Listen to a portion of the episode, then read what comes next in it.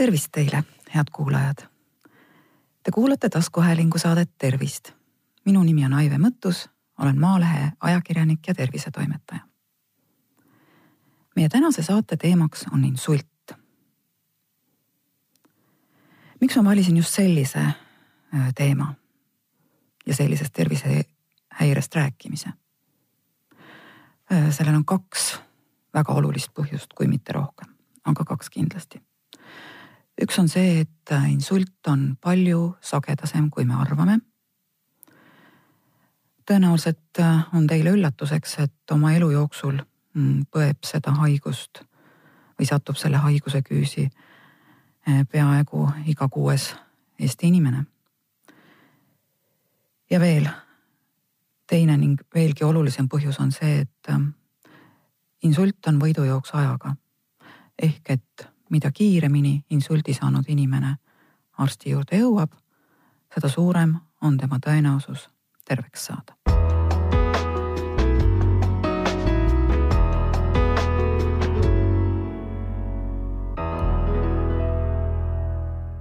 sestap ongi kõrvalseisjatel hästi oluline insult ära tunda ja kohe kiirabi kutsuda. aga enne kui me kiirabi juurde kutsumise juurde läheme, siis äh, teeme ülevaate sellest, millest me siis rääkima hakkame. räägime sellest, mida insult endast kujutab, mis haigus see on, miks ta tekib, kuidas ta välja näeb, kuidas insultsi ravitakse ja kas sellest raskest haigusest on võimalik ka täiesti terveks saada. meditsiiniliselt eristatakse kaht tüüpi insulti, kuigi väliselt nad näevad välja ühesugused ühel juhul on siis tegemist äh, aju hemorraagiaga ehk verevalumiga aiu. teine on aga ajuinfarkt, mille korral aju veresoon trombi tõttu ummistub ja verevarustus siis ajus katkeb. laias laastus võib öelda niimoodi, et äh, umbes viiendik insultidest on siis verevalumiga äh, või verevalumist põhjustatud insuldid ja ülejäänud ehk enamus on tekkinud veresoonte ummistusest. tihti räägitakse miniinsuldist. mis see on?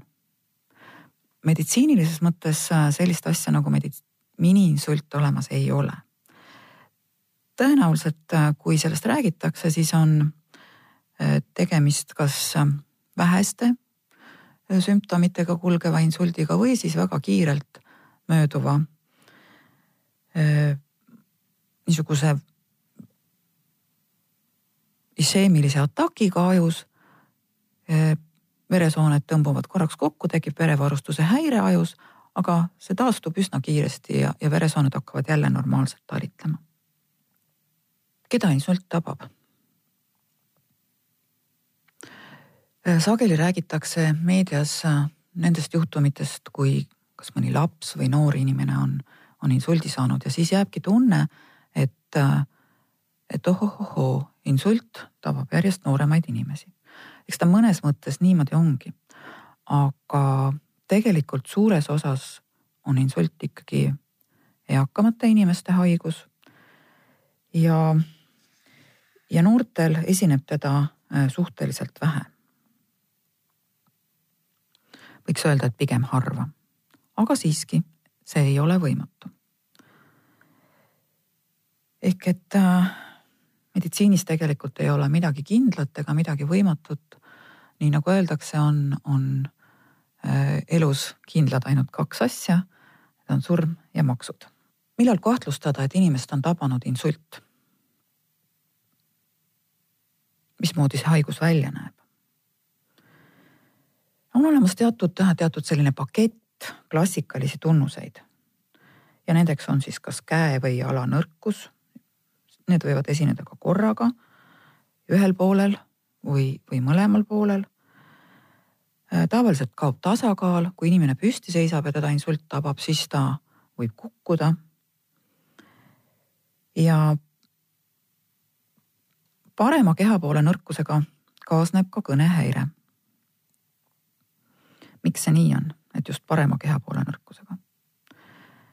Äh, siin toimib niisugune huvitav mehhanism, et äh, aju vasak poolkera juhib meie paremat kehapoolt ja parem poolkera vasakut kehapoolt. ja kui nüüd insult tabab vasakut ajupoolkera, kus asub ka kõnekeskus, siis ongi nii, et tekib meil parema poole halvatus ja, või siis nõrkus ja sinna juurde käib kõnehäire. kui niisugused äh, sümptomid ja millele võib siis ka veel lisanduda mõnikord ka nägemishäire, peavalu, äh, uimasus. ja üldiselt on, on tunnuseks see, et need sümptomid tekivad äkki. väga sageli tekivad, äh, tekib insult une ajal inimesel ja see ei ole just kõige parem olukord, sest siis inimene ei ärka üles tema lähedasedki magavad ja, ja kiirabi kutsuda õigeaegselt on, on väga keeruline.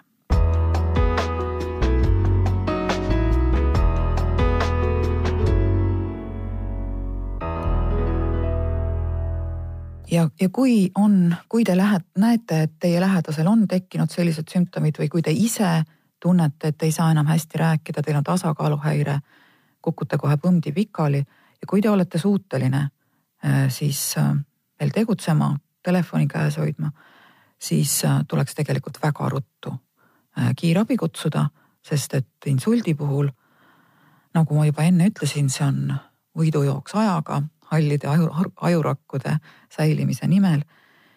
ja tuleb tegutseda kiiresti. põhimõtteliselt on meil aega umbes neli ja pool tundi selleks, et saaks siis teostada niisugust protseduuri nagu trombolöös, mis lahustab ära äh, trombi, mis on tekkinud ajus veresoone sisse. seda siis juhul, kui on tegemist äh, isheemilise insuldiga. mis aga saab siis, kui on äh, ajus verevalu? mõningatel juhtudel aitab siis operatsioon, aga peamine ravimeetod on siiski aeg. otseselt ühegi ravimiga äh, seal kaasa aidata ei saa.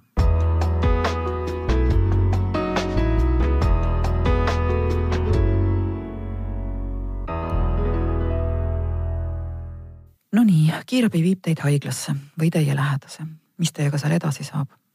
esimene asi, püütakse korda saada teie vererõhk südametegevus, hingamine, kõik niisugused elutähtsad funktsioonid. ja, ja siis, kui on tegemist äh, trombiga, siis hakatakse seda lahustama ravimitega. Neid ravimeid süstitakse veeni. ja kui te siis olete seal päeva-paari jooksul äh, nii-öelda stabiilsesse seisundisse saanud äh,, siis tegelikult üsna ruttu kas nädala jooksul või isegi võib-olla mõnikord varem algab taastusravi. kui me varem olime, aastakümneid tagasi olime harjunud sellega, et insuldihaigel äh, lasti rahulikult lamada ja, ja mõeldi, et oh, las ta kosub natukene, et küll me siis kuu või paari pärast äh, hakkame liigutama, siis äh, kaasaegne meditsiin on selle meetodi iganenuks tunnistanud. ja tegutsema hakatakse kohe, sest nii on tulemused paremad.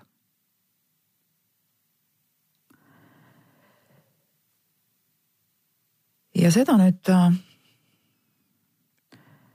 millal siis, äh, millal siis tegutsema hakatakse, seda ütlevad arstid. kas, äh, kas arstid näevad ka kohe prognoosi, kui te olete haiglasse sattunud insuldiga? üldiselt kogenud arstid näevad Põhja-Eesti Taastusravihaigla juht Marika Nurm äh, ütleb nii, et umbes äh, kolmandik patsientidest, kes insuldiga haiglasse satuvad, äh, kahjuks surevad. kolmandik saavad terveks ja siis viimane kolmandik, neile jääb mälestuseks puue. ja, ja üldiselt on nii, et ega garantiid ei saa anda, üllatusi ikka aeg-ajalt esineb harva aga arstid, kes on insulsihaigetega palju aastaid töötanud, neile on prognoos enamasti üsna pea selge. ja ikkagi jälle rõhutab ka doktor Nurm, et, et mida varem arstid patsiendi kätte saavad, seda parem. ja noh, kui nüüd mõelda, et, et mis, milles see insuldihaige taastusravi siis seisneb, arvate, et oh, mis seal liigutab natuke kätt, natuke jalga, proovime rääkida, rääkima õppida uuesti, siis äh, tegelikult päris nii lihtne see asi ei ole, ei ole see midagi niimoodi voodi järel istumine ja jalgade kõlbutamine. et äh, tegelikult on see tõsine töö kuni neli tundi päevas. Äh, ainult taastusraviga tegeletakse ja, ja see nõuab tõesti vaevanägemist ja higi valamist. haigega hakkab tööle terve meeskond kuhu siis kuuluvad arst, füsioterapeut, tegevusterapeut, taastusraviõde, psühholoog, logopeed ja sotsiaaltöötaja veel, veel takkapihta. ja õpetatakse taastusravi jooksul inimesele kõike seda, millega ta enam insuldijärgselt hakkama ei saa. ja neid asju on üllatavalt palju. ei maksa arvata, et ainult liikumine või kõnelemine on see, mis on häiritud. ei, need loomulikult ka, aga insult võtab sageli ära inimestelt oskus ennast pesta, ennast riidesse panna, neelata ei saa enam, sellest tulenevalt ka süüa. tualetis käimine unustatakse ära. ja noh, siis sinna otsa tõesti ka, ka see, et liikuda on väga raske. ja, ja kõneleda samuti, et võib-olla siis niisugune häire, et füüsiliselt ei saa hästi suud liigutada. aga mõnel inimesel, kes suud küll liigutada saab, on lihtsalt sõnad kadunud. pingutab, pingutab, teab, et see asi, mis laua peal on, on raamat. aga ta ei saa öelda sõna raamat. mõtleb, mõtleb tükk aega, ütleb vihik. või tahab öelda näiteks sai, ei tule meelde, ei saa öelda, ütleb hoopis kringel. et niisugused kummalised häired tekivad äh, ajus insuldi tulemusel. miks on vaja seda äh, suurt meeskonda? selleks, et märgata kõiki häireid ja tegeleda kõikide häiretega, mis inimesel on insuldi ajal tekkinud. sest on, on juhtumeid, kus inimene käib täitsa kenasti, räägib ka selget juttu, aga riidesse panna ei oska. ja seda ei tea, et kahvel käib suhu. ja et leiba hammustatakse, mitte ei panda tükkidena supi sisse. miks on taastusravi kiire alustamine hästi oluline? siin on ka teaduslik selgitus selle asjale, asjale täiesti olemas. et aju on plastiline ehk et koja, tema võime kohaneda insuldi kahjustuse järgses olukorras on kõige parem just kolme kuu jooksul pärast insulti ja, ja seal peab olema, sel ajal peab olema äh, taastusravi maksimaalse intensiivsusega, just nimelt suunatud ja välja töötatud eraldi sellele inimesele. ja edasi kuni aasta jooksul äh, võib siis veel natukene taastusraviga äh, aju kas siis funktsionaalselt või neuroloogiliselt parandada ajutegevust, aga sealt edasi juba tegelikult toimub siis kohanemine ehk et inimene peab õppima selle puudega, mis insult on talle tekitanud, kuidagi elus hakkama saama. ja ega, ega see hakkamasaamine väga kerge ei ole, sest, äh, sest on tuhat pisiasja, mis kahe käega tehes tundusid äh, nii iseenese, tunduvad nii iseenesestmõistetavad, aga kui sul on kasutada ainult üks käsi, siis on asi hoopis teine.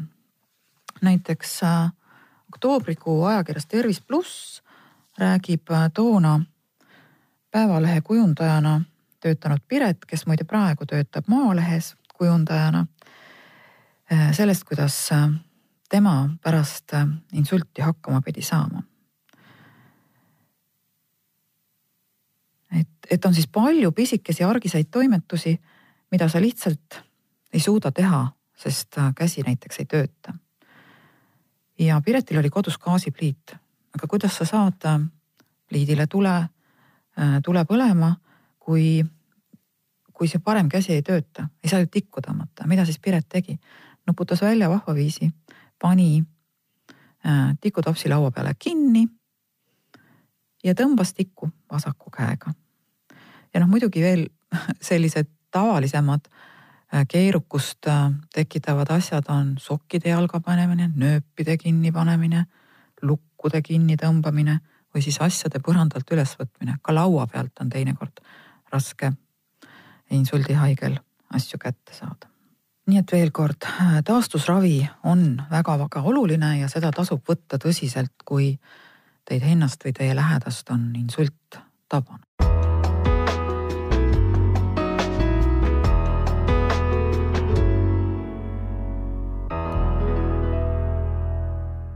miks aga äh, insult üldse tekib, sellest me, sellest me läksime alguses kuidagi mööda kiiresti-kiiresti, aga nüüd tuleme kaarega tagasi. Äh, kõige suurem põhjus insuldi tekkeks on veresoonte luppimine ehk siis ateroskleroos ja äh, sinna järgi kõrgvererõhu tõbi. ja seejärel südamehaigused erinevad ehk laias laastus tegelikult on insuldiriskid samad, mis äh, südamehaigustel. siis kõrge vererõhk, liigne kehakaal, vähene liikumine, suitsetamine, liigne alkoholi tarbimine.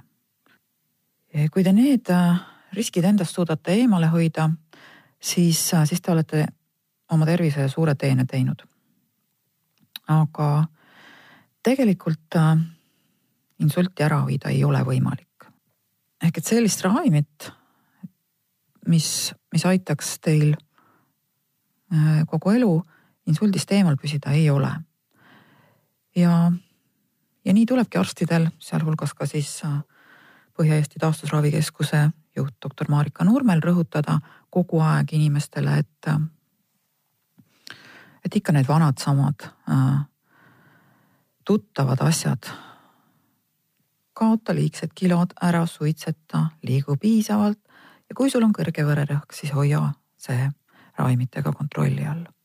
Sest et äh, kujutage ette veresoonte süsteemi nagu see oleks äh, noh, mingisugune mm, küttesüsteem radiaatoritega ja pumbaga, et süda on pump, mis pumpab siis äh, seda vett sinna radiaatorite süsteemi või siis organismisse, verd veresoontesse.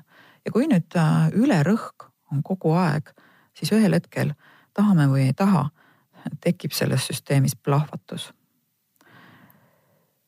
Nii et äh, parem on oma vererõhku jälgida ja see kontrolli all hoida.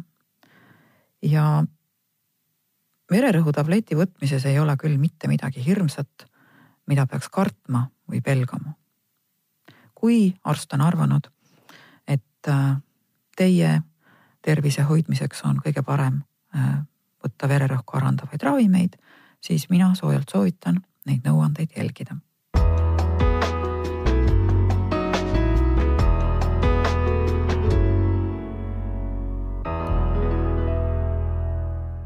kuulasite taskuhäälingu saadet Tervist. tagasisidet ja kirju selle kohta, millistel teemadel saateid te kuulata sooviksite, saate meile saata e-posti aadressil tervist at maaleht.ee. minu nimi on Aive Mõttus, ma olen Maalehe ajakirjanik ja tervisetoimetaja. kohtumiseni järgmises saates. seniks aga tervist teile